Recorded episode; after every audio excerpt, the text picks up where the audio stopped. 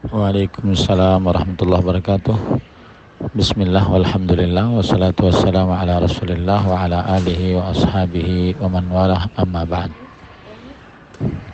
Antara ibadah akikah menyembelih kambing untuk akikah berbeda dengan menyembelih kambing untuk berkurban. Dan pendapat yang lebih dikuatkan tidak bisa digabung antara niat akikah dengan niat berkurban karena dia adalah ibadah tersendiri masing-masing.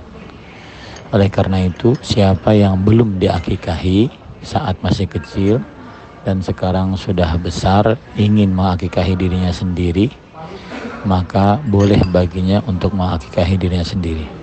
Dan itu berbeda dengan menyembelih kambing dengan niatan berkurban والله أعلم.